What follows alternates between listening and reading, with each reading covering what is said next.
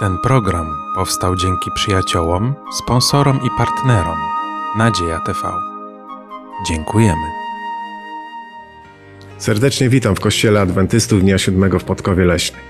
Dzisiejsze studium, które chcemy analizować, nosi tytuł Wieczna Boża Ewangelia. Serdecznie zapraszam.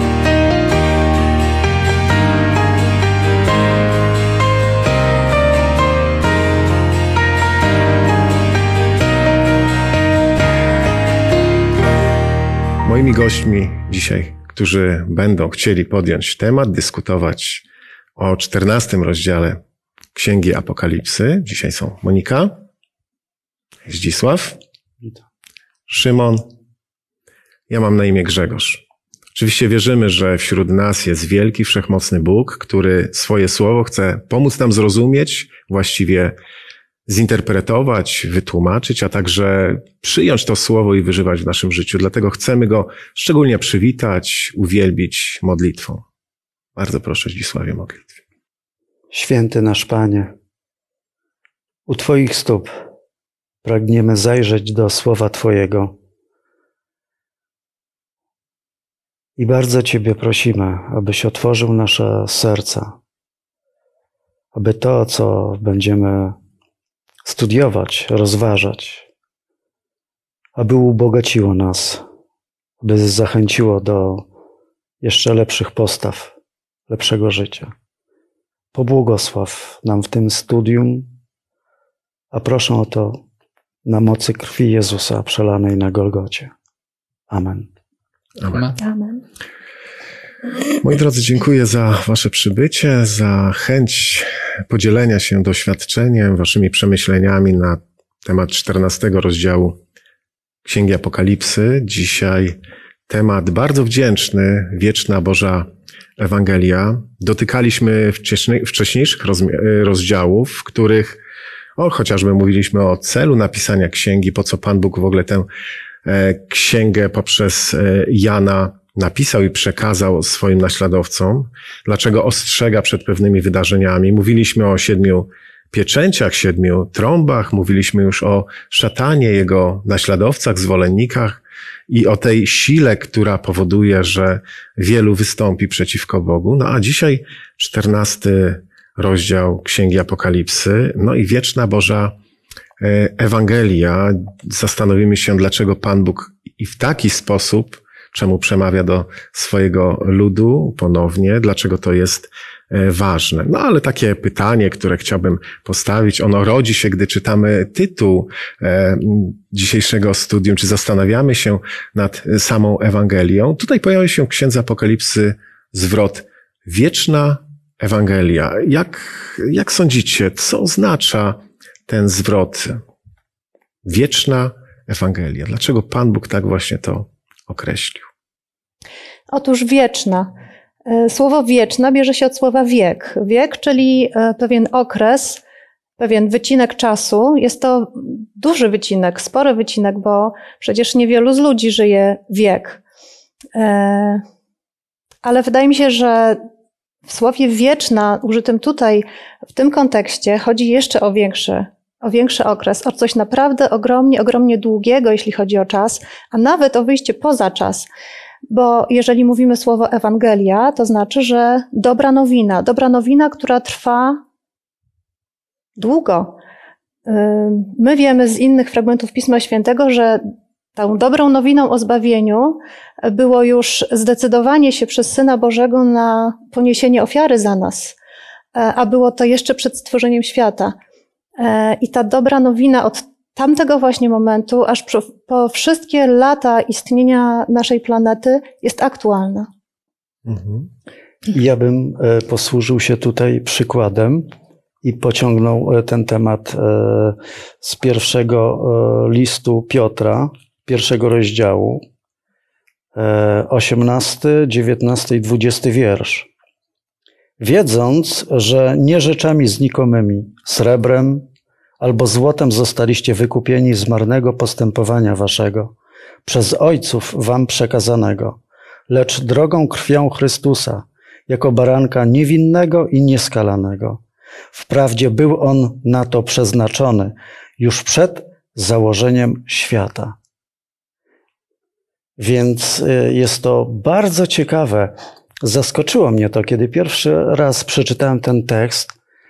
Uświadomiłem sobie, że Pan Bóg miał ten plan przed założeniem świata. Jest to tak niezwykłe, że rzeczywiście ta Ewangelia wieczna zaczyna być, zaczyna mieć te rozmiary wieczności. Niezwykłe to jest. No tak jeszcze może dopowiem, że ta wieczna też ma w sobie niezmienna.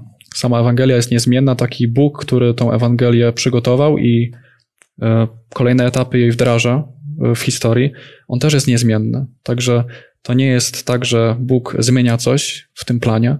Ten plan przygotował na samym początku, realizuje go i jako niezmienny Bóg, który niezmienną Ewangelię, doskonałą, przygotowaną od założenia świata, prowadzi. To jest bardzo ważne, kiedy e, czytamy potem o zwiedzeniach, to to, że to jest Ewangelia wieczna i niezmienna jest bardzo ważne. Mhm. Bardzo dziękuję za, mm, za pewne myśli, bo mam podobne rozumienie. E, z perspektywy Boga absolutnie tak, tak to wygląda, ale zwróćcie uwagę, że człowiek staje się uczestnikiem czy udziałowcem, mogę tak, takiego bardzo przyziemnego języka e, użyć, e, tejż właśnie Ewangelii, kiedy przyjmie ofiarę Pana Jezusa, prawda? W Jego rozumieniu wtedy, czy w Jego życiu, w praktycznym wymiarze, ta Ewangelia też się staje wieczna. I to jest fenomenalne właśnie w tym poselstwie, które Bóg nam przekazuje. Bo z perspektywy Boga rzeczywiście Bóg zrobił, co do Niego należało, natomiast dopiero człowiek, który skorzysta z tej Ewangelii, w jego życiu faktem staje się również e, ten termin Ewangelia wieczna i ona jest wieczna w skutkach dla tego, dla tego człowieka. To jest fenomenalne, jak tak definiujemy, definiujemy Ewangelię. Cieszę się, że e, możemy dotknąć 14 rozdziału, że możemy popatrzeć na pewne fragmenty. Zwróćcie uwagę na 13 e, werset. Chciałbym przeczytać według przekładu Piotra Zaręby z 14 rozdziału. W zasadzie to jest takie podsumowanie, bo tych tekstów będziemy dotykali pod koniec naszego studium, ale chciałbym, żebyśmy tym właśnie studium e, otworzyli tym fragmentem. Napisz, szczęśliwi są odtąd ludzie, którzy umierają w Panu. Tak mówi duch. Tacy będą mogli odpocząć po swoich trudach, ich czyny bowiem podążają za nimi. Ten tekst Pisma Świętego wskazuje na pewien bój, między dobrem a złem. Prawda? Tu Pan Bóg wspomina o tym, że szczęśliwi są ci, którzy umierają w Panu, czyli poszli za tym głosem Ewangelii bez względu na konsekwencje, bo mhm. zaraz będziemy mówili, jakie te konsekwencje będą, bo nie będzie tak różowo, prawda, jak tekst Pisma Świętego wskazuje. Ale e, Księga Apokalipsy ukazuje nam bój między dobrem i złem. I w Piśmie Świętym, szczególnie w Księdze Objawienia, możemy znaleźć informacje na temat dwóch kościołów. Pewnie ze mną się zgodzicie, tak? Kościół Boży i Kościół e, odstępczy. Dzisiaj, chociaż funkcjonuje wiele kościołów, to tak naprawdę te kościoły się określają, będąc w granicach jednego lub drugiego kościoła opisanego w Księdze Apokalipsy. A więc jeśli jakikolwiek kościół z nazwy, nie będziemy wymieniać może, ale działa w granicach wytyczonych przez Boga jako Kościół ten Boży, jest częścią tego Kościoła Bożego. Ale może być tak, że działa w granicach wytyczonych przez ten Kościół e, odstępczy i wtedy staje się częścią tego odstępczego kościoła i naśladuje tego przeciwnika Bożego. No i mamy poselstwo, które zostało określone jako poselstwo trójanielskie, czy poselstwo e, trzech aniołów.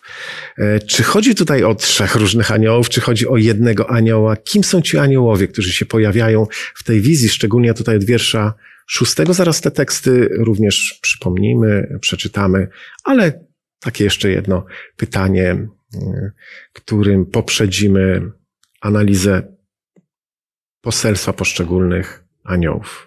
Kim są ci aniołowie, jak wam się wydaje? Kogo Bóg posyła tak naprawdę? No powszechnie uważa się, że anioł to jest postać ze skrzydłami, e, niebiańska postać. E, natomiast greckie słowo angelos, e, użyte tutaj, oznacza tak, również takiego anioła, ale również oznacza bezpośrednio posłaniec. To każdy, kto pełni wolę Bożą, który jest posłany przez niego, może mieć ten tytuł anioła. Także ten tekst wcale nie, nie ogranicza nam tej definicji do tylko niebiańskich istot, a nawet e, kiedy czytamy te słowa, e, to zadanie, które ma już pierwszy anioł, niesienie Ewangelii Wiecznej wszystkim ludom, narodom, językom, e, to jest polecenie, które dał Jezus swoim uczniom, gdy zobaczył się z nimi po swoim zmartwychwstaniu. Także tutaj już widzimy, że to Jezus posyła uczniów, posyła ludzi. Tak i tutaj to samo poselstwo do pierwszego anioła również jak najbardziej możemy rozumieć, że jako chrześcijanie możemy czuć się jak najbardziej powołani do tego, aby głosić poselstwo trójanielskie. Mhm. Czyli można powiedzieć, że to jednostka może być e, tym posłańcem, prawda, ale i Kościół.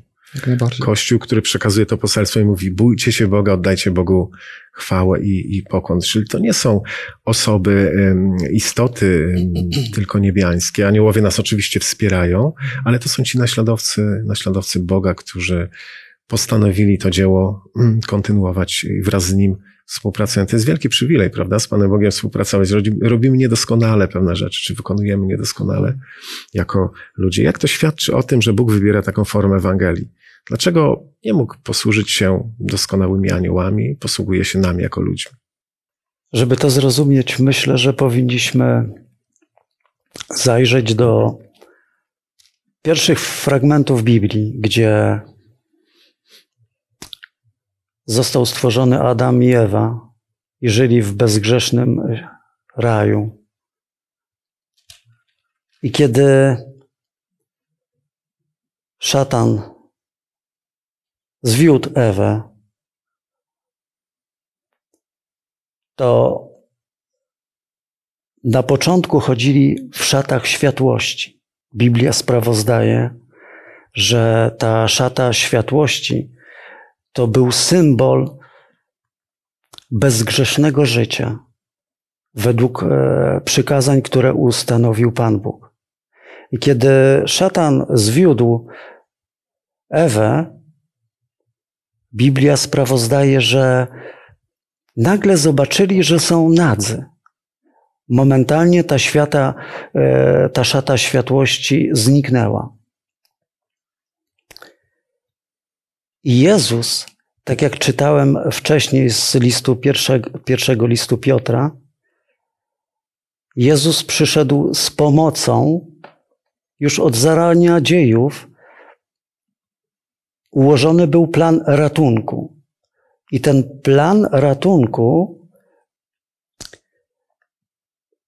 jakby poprzez ten plan, zwrócił uwagę na tą nagość i wyszedł im naprzeciw. I to jest takie smutne, ale musiał tam, w tym raju, zabić baranka, który wskazywał na Jezusa, żeby odziać ich w te szaty. I oni zrozumieli, że to jest jedyny ratunek. I ten plan wskazywał właśnie na Jezusa. I tak przez wieki, e, aż do tego momentu, który teraz studiujemy, 14 rozdziału, właśnie to jest ta Ewangelia, która się tam zapoczątkowała w raju. Bóg Poprzez- wcale nie oczekuje, żebyśmy doskonale to robili, ale żebyśmy robili i opowiadali o swoim doświadczeniu. Pamiętacie pewnie historię kraina Gerezeńczyków. Pan Jezus przybywa z apostołami, później tę krainę opuścił, ale uzdrawia człowieka opętanego. Jest powiedziane w Słowie Bożym, czy napisane, że działy się wielkie cuda, bo ten człowiek wraca jako zdrowy i opowiada i wcale nie musiał tego doskonale robić. Może nie najlepiej nawet potrafił opowiadać o tym wszystkim, ale ludzie patrząc na tego człowieka, co Bóg uczynił w jego życiu, mówią, jejku, to działa, no to jest coś niesamowitego.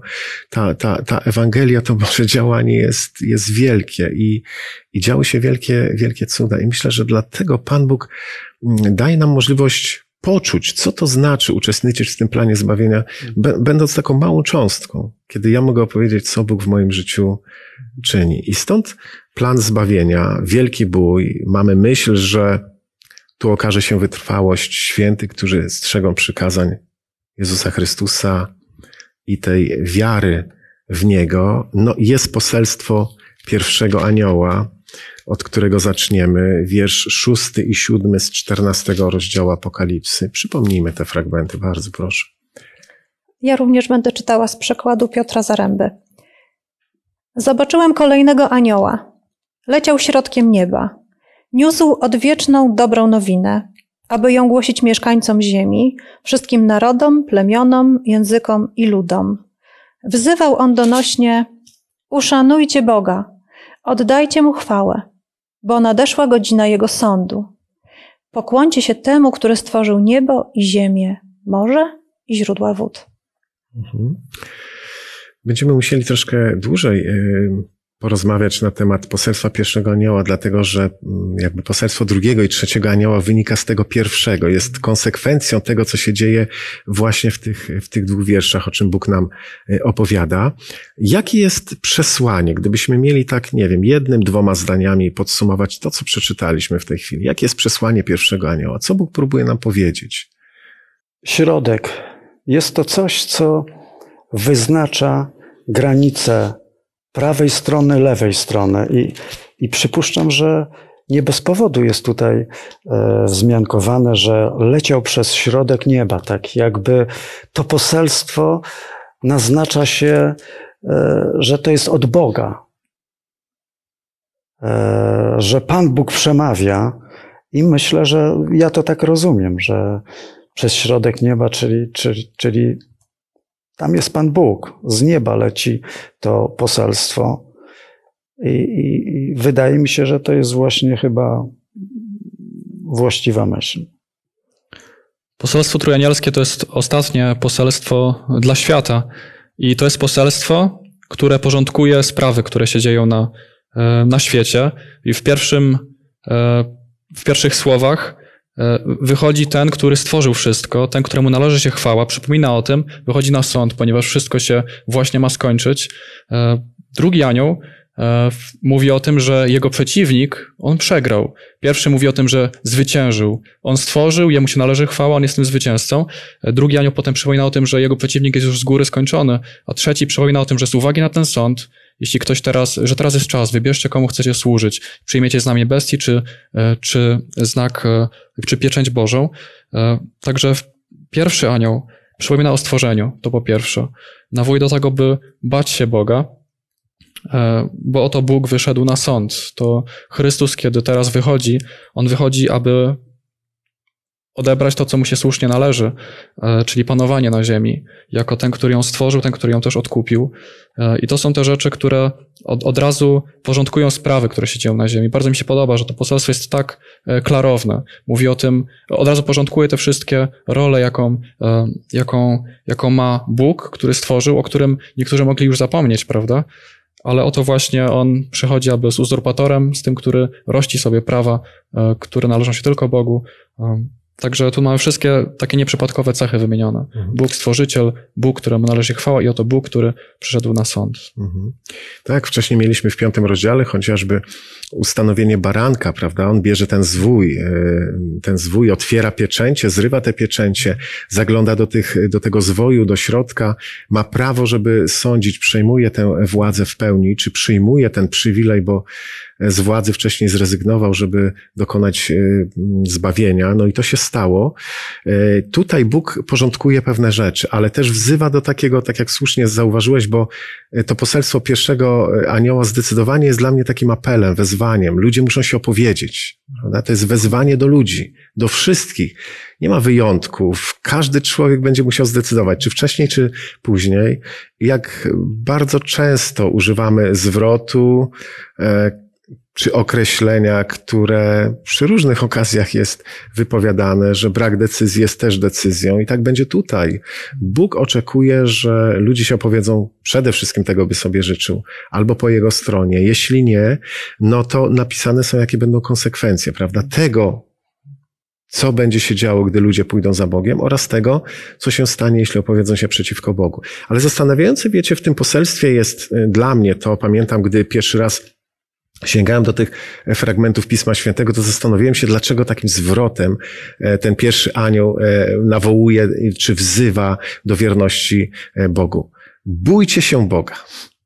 Bójcie się Boga. No i takie pytanie, czy Bóg chce, żebyśmy się go bali rzeczywiście? Posłuchajcie pewnego fragmentu z 15 rozdziału Księgi Rodzaju, z pierwszego wiersza. Czytam fragment, w którym Bóg przemawia do Abrama. Po tych wydarzeniach Pan skierował do Abrama w widzeniu słowo takiej treści. Nie bój się, Abramie, ja jestem Twoją tarczą. Twoja zapłata będzie bardzo obfita. Takich fragmentów możemy znaleźć bardzo wiele w Piśmie Świętym. Dlaczego Pan Bóg w taki sposób wzywa? Może próbuje potrząsnąć ludzkością i uświadomić coś człowiekowi, dlatego jest taki mocny zwrot, bo to jest mocny zwrot. Bójcie się Boga. Jak wam się wydaje, Bóg chce kogoś przestraszyć, czy tak naprawdę o coś innego Panu Bogu w tym poselstwie chodzi jeszcze? Ludzie żyjący przed nami parę wieków do tyłu zupełnie inaczej patrzyli na życie, podchodzili do życia z pokorą i to widać było przy różnych doświadczeniach tych ludzi. Nawet jak e, przeżywali trudności prześladowania, to pamiętamy, że Słowo Boże dla nich było czymś niezwykłym. Widać było, że był wielki szacunek, wielki głód, chociaż dawniej nie było tak, że każdy miał tą Biblię w domu. Przepisywano ręcznie zwoje i ludzie czytali fragmenty i, i widać było, że to poselstwo docierało do nich, a oni żyli tym poselstwem. A dzisiaj mamy Biblię różnych przekładów na półce, one są zakurzone e, i Pan Bóg patrzy na to z przykrością, bo rzeczywiście nasze życie opływa w luksusy, w dobra, których wcześniej ludzie nie mieli. I taka ironia losu, że dzisiaj w zasadzie nie ma kto by za bardzo za Bogiem szedł. I e, żyjemy w czasie niemalże końca, bo to poselstwo trójanielskie jest ostatnim poselstwem dla ludzi żyjących na ziemi. Po nim już tylko przy, przyjście Jezusa. I wydaje mi się, że Pan Bóg woła: bójcie się Boga, oddajcie mu chwałę. Przestańcie żyć cieleśnie, przestańcie patrzeć na te sprawy ziemskie. Mhm. Jak najbardziej to, to, to wezwanie musimy tutaj dodać, że według przykładu Piotra Zaręby jest uszan, uszanujcie Boga, prawda? Natomiast w innych przykładach jest e, bójcie się Boga, ale ta, ta bojaźń Boża to jest takie wezwanie do tego, żeby to, co powiedziałeś, zostawić to doczesne życie, zostawić zło, które gdzieś nam towarzyszy i uwielbić Boga, uszanować, pójść za Nim. Jest taki przepiękny fragment, e, pewnie znacie ten fragment w przypowieściach Salomona, ósmy rozdział, werset trzynasty, gdzie jest myśl, że bojaźń Pana to nienawiść do zła. Ale popatrzcie, że ta bojaźń Boża łączy się również z chwałą. Bójcie się Boga i oddajcie Bogu chwałę. Więc wydaje się, że taka bojaźń Boża to taka właściwa postawa wobec Pana Boga, ale opór wobec zła, a chwała, to co Szymon również e, nadmienił, wspomniał, to jest uwielbienie Pana Boga. Ale Moi drodzy, no, takie pytanie rodzi się, z, mówiąc o chwale, mówiąc o uwielbieniu Pana Boga. Czy to wszystko jedno, jak wielbimy Pana Boga? Czy Pan Bóg ma określone za, za, zasady, na jakich chciałby być uwielbiony? Czy Bóg wskazuje pewien kierunek i mówi, chwalcie mnie tak lub inaczej? Bo jeżeli będę wołał, załóżmy, Boże, bądź uwielbiony, niech moja dusza chwali Ciebie codziennie, tak jak psalmista mówi. Czy to jest wystarczające? Czy ta chwała Boga, Boga, czy oddanie mu chwały, jest związane z czymś jeszcze, nie wiem, z jakimś posłuszeństwem, wiernością wobec pewnych zasad. Jak uważacie? Z pewnością tak. E, ja bym tutaj jeszcze nawiązała do tego fragmentu, wciąż z siódmego wersetu, że oddajcie chwałę Bogu, pokłoncie się temu, który stworzył niebo, ziemię, morze i źródła wód. A więc, e, żeby ta nasza e, chwała oddawana Bogu była oddawana w jakimś, e, z jakimś rozsądkiem, tak? z jakąś wiedzą o Bogu, żebyśmy mieli świadomość naprawdę, komu oddajemy chwałę. Że to nie jest, no to nie jest jakiś pomniejszy Bóg, mogłabym tak powiedzieć, to jest ten, który naprawdę stworzył wszystko i zrobił to tak, jak to jest opisane w Piśmie Świętym. E, ta, to, oddawanie chwały Bogu właśnie wydaje mi się e, bardzo mocno musi zależeć od znajomości Pisma Świętego. Im bardziej jakby będziemy znać je, słuchać Go, przestrzegać, e, zachowywać, tym większa chwała będzie oddana właśnie Jemu. Tą dowolność w oddawaniu chwały Bogu już neguje właśnie to połączenie Bójcie się Boga i oddajcie Mu chwałę. E, ta bojaźń Boża jest czymś wspaniałym, bo tutaj czytamy o niej przez całe Pismo Święte, o tej bojaźni, a jednocześnie o tym, że w miłości nie ma bojaźni. Także ta miłość e, do Boga jednocześnie nie neguje tego, że e, ten szacunek do Boga mamy, a ten szacunek powoduje, że jesteśmy posłuszni oddajemy mu chwałę i robimy wszystko inne, tak jak on to zaplanował. Ale ciekawe jest to właśnie na przykładzie z przypowieści Salomona. Mhm. Ta definicja biblijna jest taka ciekawa bardzo, że bojaźń Boża oznacza nienawiść zła. Jakby to odwrócimy, to gdy ktoś boi się e, zła, to może nienawidzić Boga. Tak może to przedstawię, bo to jest bardzo ciekawe. Ludzie, którzy e, są bojaźliwi, co też Biblia potępia, oni są przerażeni e, skutkami e, własnych decyzji, uzależnieniami, mają do nich tak duży respekt, że pozostają w niewoli, pozostają w tym, e, służą temu, czego się boją. To jest, kiedy Bóg objawiał się ludowi Bożemu, to tam towarzyszyła bojaźń. Oni byli oni mieli, kiedy widzieli błyskawice, grzmoty, e, bo oto Bóg, e, ten potężny, godzin chwały, i reagowali e, takim skuleniem, pokorą i wtedy mogli Mu służyć. Tak to jest, że kiedy my widzimy te rzeczy na tym świecie, siły ciemności, że one, że one są potężne i zaczynamy się bać ich, to automatycznie służymy im. Dlatego ta bojaźń i oddawanie chwały Bogu, one muszą być razem, muszą być zawsze razem. To poselstwo, które mhm porządkuje wszystkie sprawy na ziemi, tutaj idą razem. Bojaźń Boga, nienawiść zła sprawia, że możemy być posłuszni, a Bóg chce, abyśmy oddawali Mu chwałę zgodnie z tym, jak On to e, przewidział i jak też nas e, pouczył. To jest bardzo istotne. Ja tu pozwolę sobie tak wyartykułować to, to, co, to, co już zabrzmiało, ale zwróćcie uwagę, że można nienawidzić zła, a niekoniecznie bać się Boga. Ale jak to odwrócimy, bojaźń wobec Boga absolutnie eliminuje zło. Nienawidzimy wtedy zła, prawda? Odwracamy się od zła. Natomiast jest wielu ludzi, którzy rzeczywiście, patrząc na zło, mówią, to nie jest dobre, ja tego nienawidzę.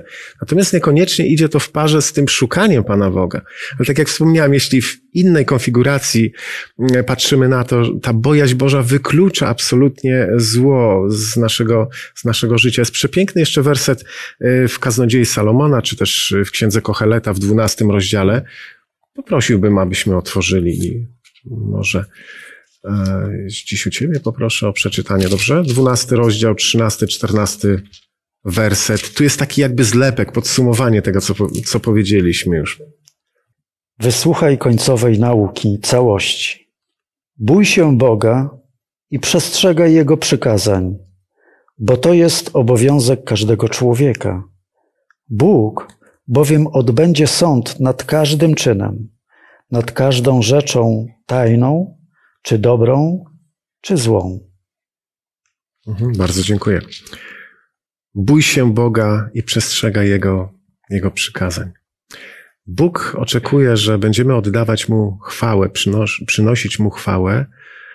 Jest to w jakiś sposób uwarunkowane. Bóg określił granice. To tak jak w związku małżeńskim. No, jeśli wstępujemy w taki związek małżeński, są pewne zasady.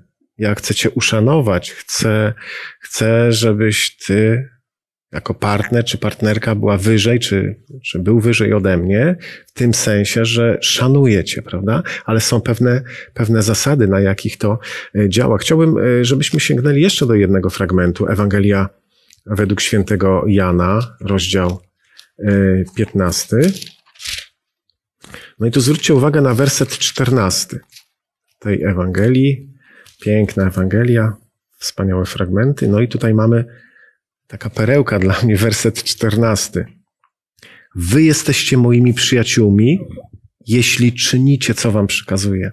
Zwróćcie uwagę, że przyjaźń z Bogiem jest uwarunkowana.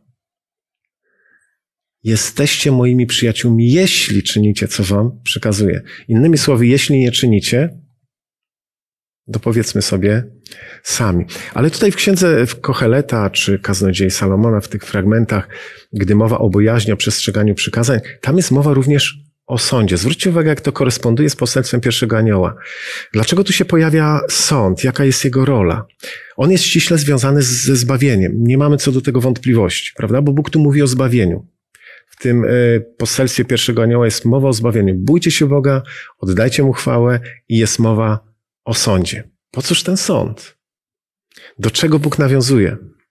No to jest jeden z wielu pięknych przykładów tego, jak Biblia się wspaniale uzupełnia, jak jedne teksty e, są odnoszone do drugich.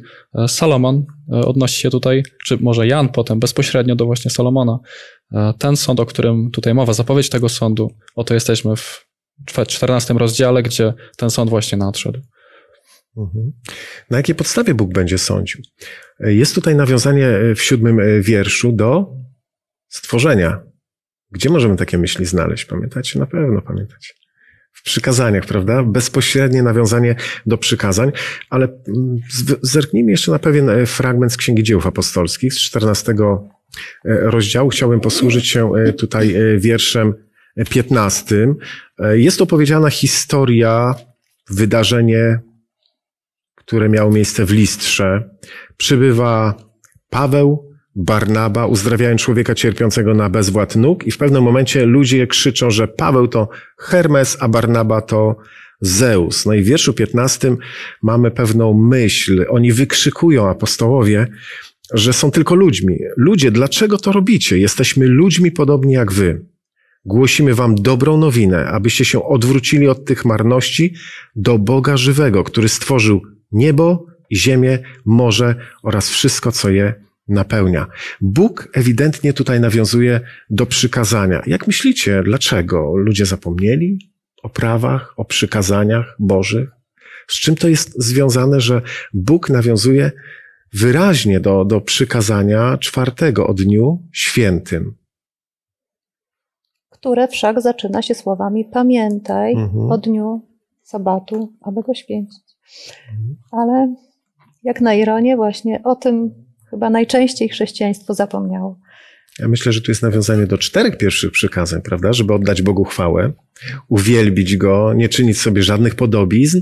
No i ten dzień święty, który wyraźnie w tekście zawiera wzmiankę, tak jak w Księdze Apokalipsy w siódmym wierszu e, czternastego rozdziału. To jest taki wspólny e, mianownik i wydaje się, że to prowadzi do oddawania chwały Bogu. Jak myślicie, czy zachowywanie tych praw, posłuszeństwo wobec tych praw prowadzi do oddania chwały Bogu? Może takie retoryczne pytanie. Myślę, że jak najbardziej. I Pan Bóg przez e, anioła e, wyraźnie zwraca się do ludzi w sposób taki dość dosadny. Wręcz dzisiaj na świecie można zobaczyć e, w poniewierce prawo Boże. Chrześcijan jest mnóstwo mieniących się z nazw, ale niestety to prawo Boże, kiedy wczytamy się w drugiej Mojżeszowej, w piątej, to to prawo Boże zupełnie jest inne niż ludzie wyznają dzisiaj e, swoje prawo. I Pan Bóg woła do ludzi z nieba, e, opamiętajcie się, bo już nadchodzi, nadchodzę. Więc jakby zwróćcie serca ku synom, synowie ku ojcom, i to jest właśnie tak, taki przekaz, taka myśl. Wróćcie do przykazań, które są odwieczne. Ja nimi jestem, ja je stworzyłem.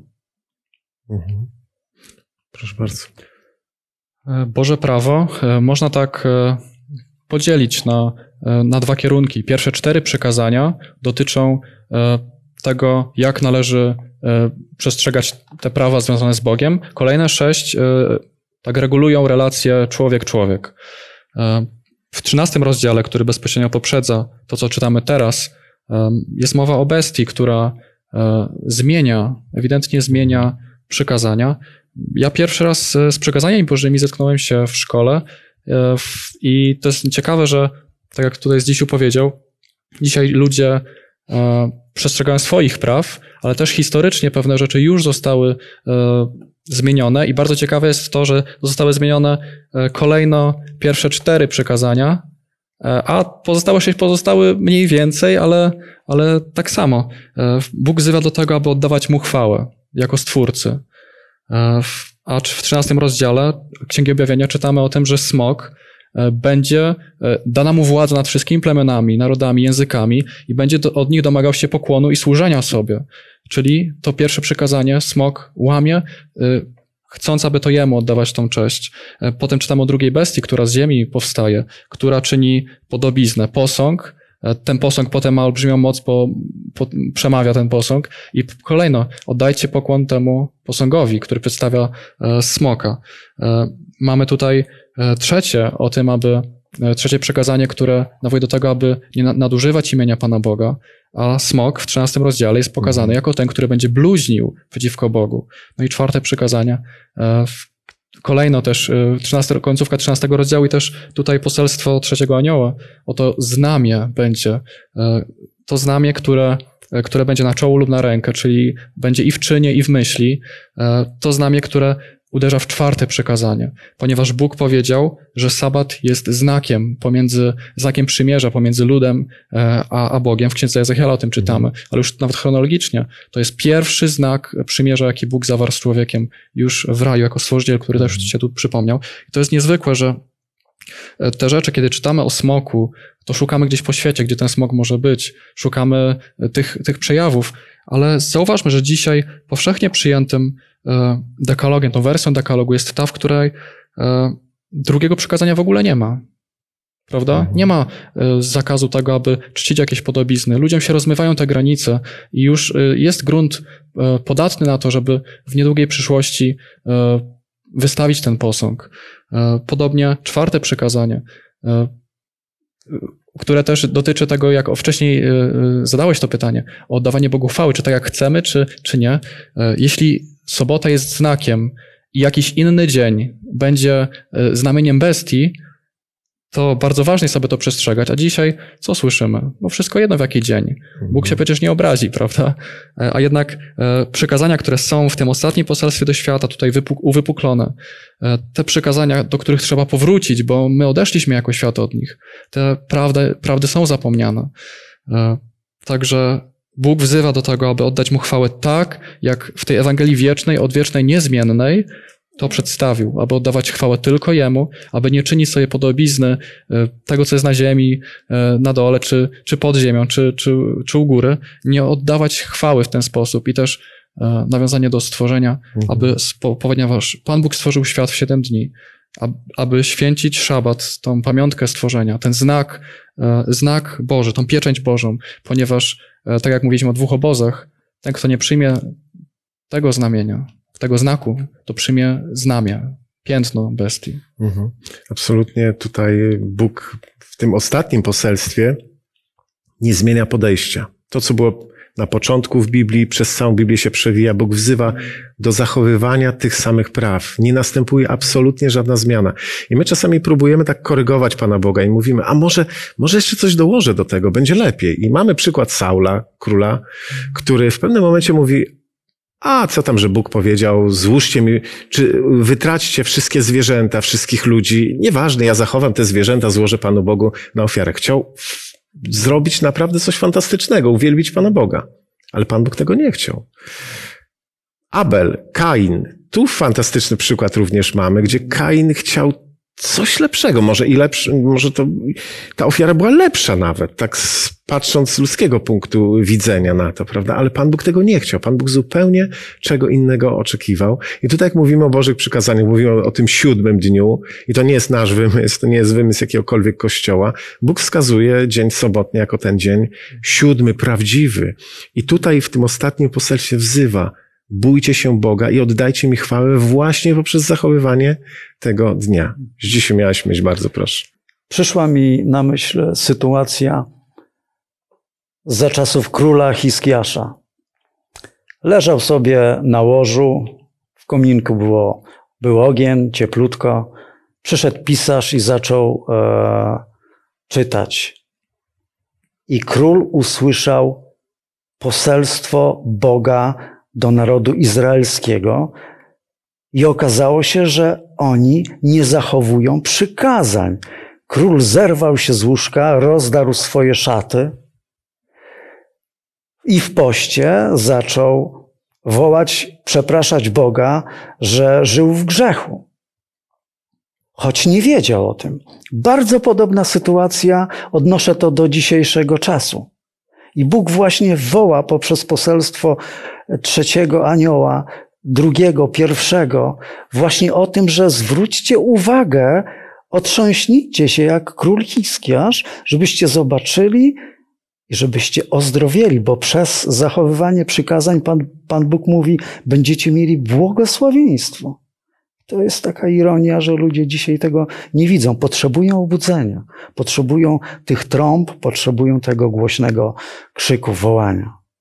Dziękuję za, za te myśli. Wybaczcie, że tak troszkę przytrzymałem nas przy tym poselstwie pierwszego anioła, ale dla mnie osobiście, wydaje mi się, że się zgodzicie z moją opinią, jest to absolut, absolutnie fundamentalne, to co Bóg położył poprzez poselstwo pierwszego anioła i na to poselstwo pierwszego anioła nakładają się poselstwo drugiego anioła i trzeciego. To nie znaczy, żeby tego nie analizować, nie zgłębiać, bo już dotykamy e, ósmego wiersza poselstwa drugiego anioła, ale zwróćcie uwagę, że tam jak jest wezwanie do wierności Bogu, opowiedzenie się po jednej ze stron, tak to już Bóg ogłasza.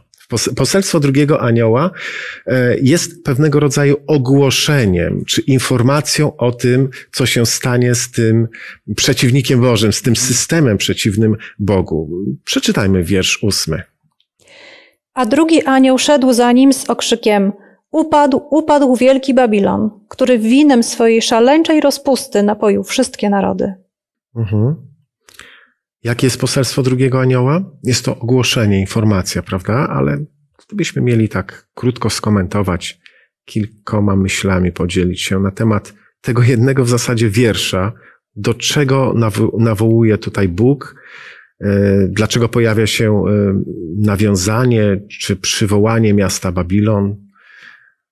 Słowo Babilon oznacza pomieszanie, a drugi anioł mówi o tym, że oto ten Babilon, to pomieszanie skończyło się.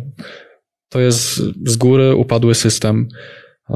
Też musimy też rozumieć to, że e, smok, o którym czytamy wcześniej, który tutaj e, jeszcze walczy ostatkiem sił, już jako przegrany, ale ostatkiem sił, to nie jest ktoś, kto jawnie wystąpi jako przeciwnik. E, Szatano zawsze był wężem przebiegłym, wężem, który zwodzi narody, i napełnia ich tym winem, prawda? Tutaj jest mowa o winie. Wino sprawia, że człowiek nie myśli trzeźwo, wino sprawia, że człowiek, człowiekowi wydają się różne, różne rzeczy. Wcześniej czytaliśmy o tym, że będą cuda, znaki, jakich wcześniej nie było. Oto to zwierzę dostanie taką moc, jakiej nigdy jeszcze nie miało i on będzie e, tutaj było drugie zwierzę, baranek, prawda? No, to jest upodobnione, to jest podobne.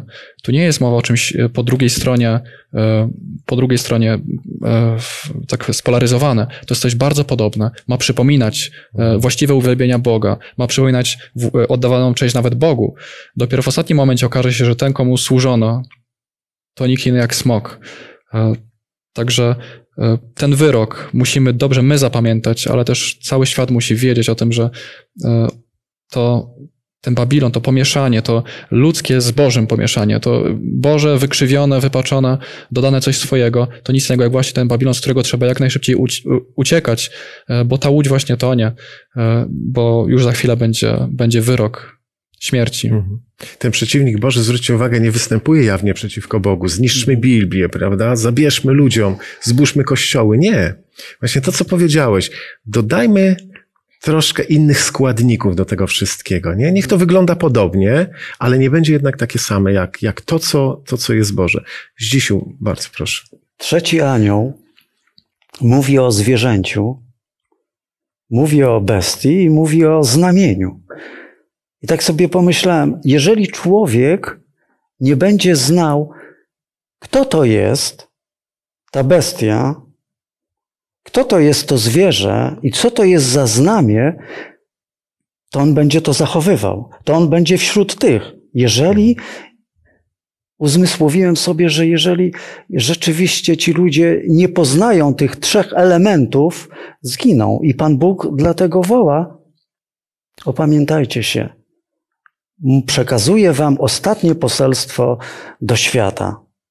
I myślę, że naszą rolą jest głośne wołanie do ludzi, apelowanie, żeby i my sami, i oni, żebyśmy się opamiętali i oddawali Bogu należną chwałę i cześć. Mhm. Wiersze 9 po 13 to jest poselstwo trzeciego anioła, ale zwróćcie uwagę, że znowu jest rozszerzenie. Poselstwo drugiego anioła mówi o systemie ogólnie. Natomiast y, poselstwo trzeciego anioła, za chwilkę przeczytamy e, te fragmenty, nie tylko mówi o systemie, ale mówi o jednostkach. Bóg tu wskazuje, że system upadnie, ale ludzie mogą się uratować. I to jest przepiękne, że Bóg taką klamrą zamyka to wszystko, bo gdy e, patrzymy na czternasty rozdział Księgi Apokalipsy, jest wizja dwóch bestii, prawda? Jest omówione, czym się zajmują te bestie, jak zwodzą, w jaki sposób próbują panować nad ludźmi, e, skrzywić ten obraz Pana Boga. Później jest poselstwo trójanielskie, a pomiędzy są cztery wiersze, gdzie Bóg okazuje zbawionych w niebie.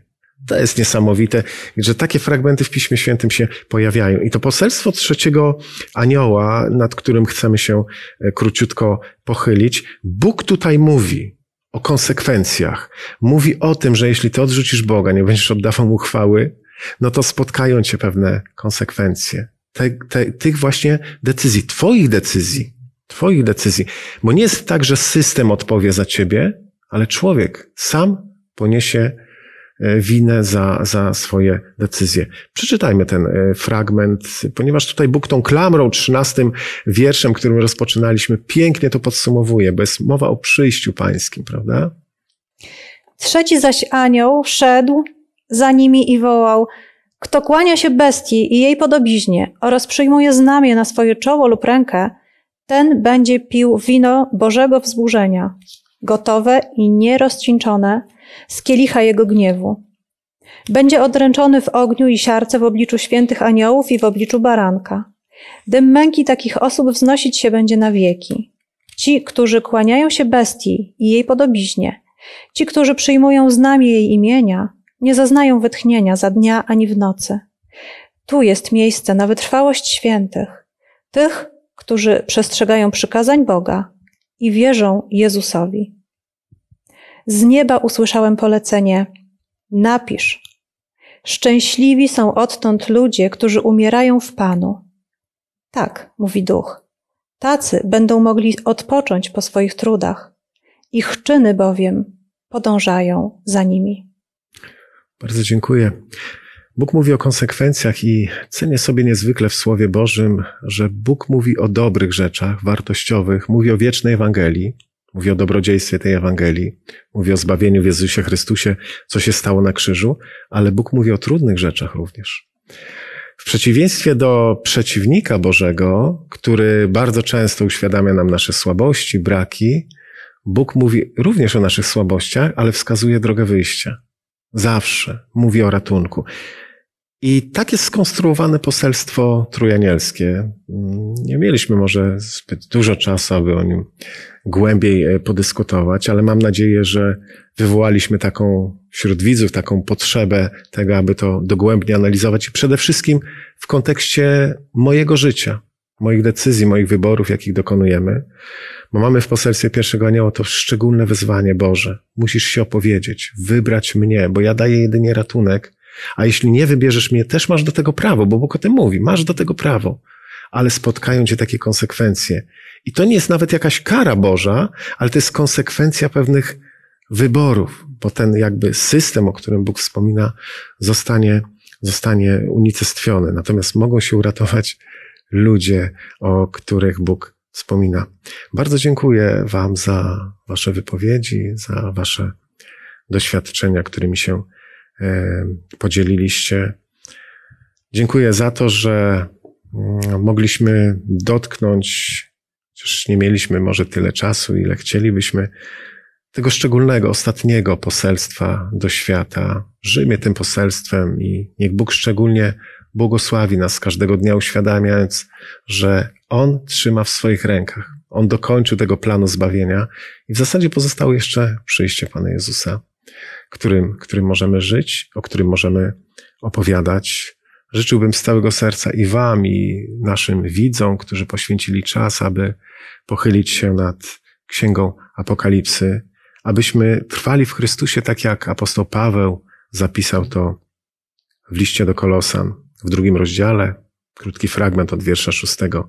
Jak więc przyjęliście Jezusa Chrystusa Pana, tak też zjednoczeni z Nim postępujcie jako ludzie zakorzenieni w Nim, jako ci, którzy się w Nim budują i w Nim umacniają swą wiarę zgodnie z tym, jak was nauczono, Przy tym zaś niech przepełnia was wdzięczność.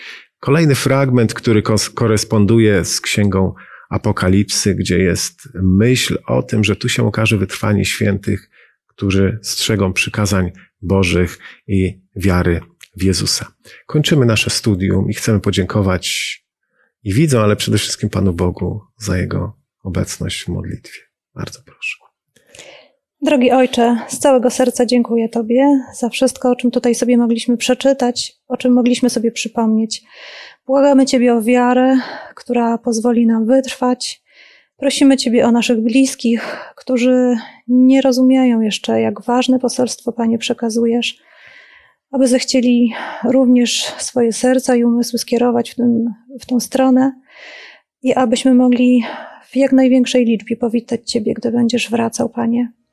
O to Cię proszę w drogim imieniu Jezus. Amen. Amen. Bogu niech będą dzięki. Jeszcze raz serdecznie Wam dziękuję za Waszą obecność. Dziękuję, że mogliśmy się spotkać i zapraszam na kolejne studium, które będzie miało miejsce już za tydzień. Będzie on nosiło tytuł 7 plag ostatecznych. Zapraszam.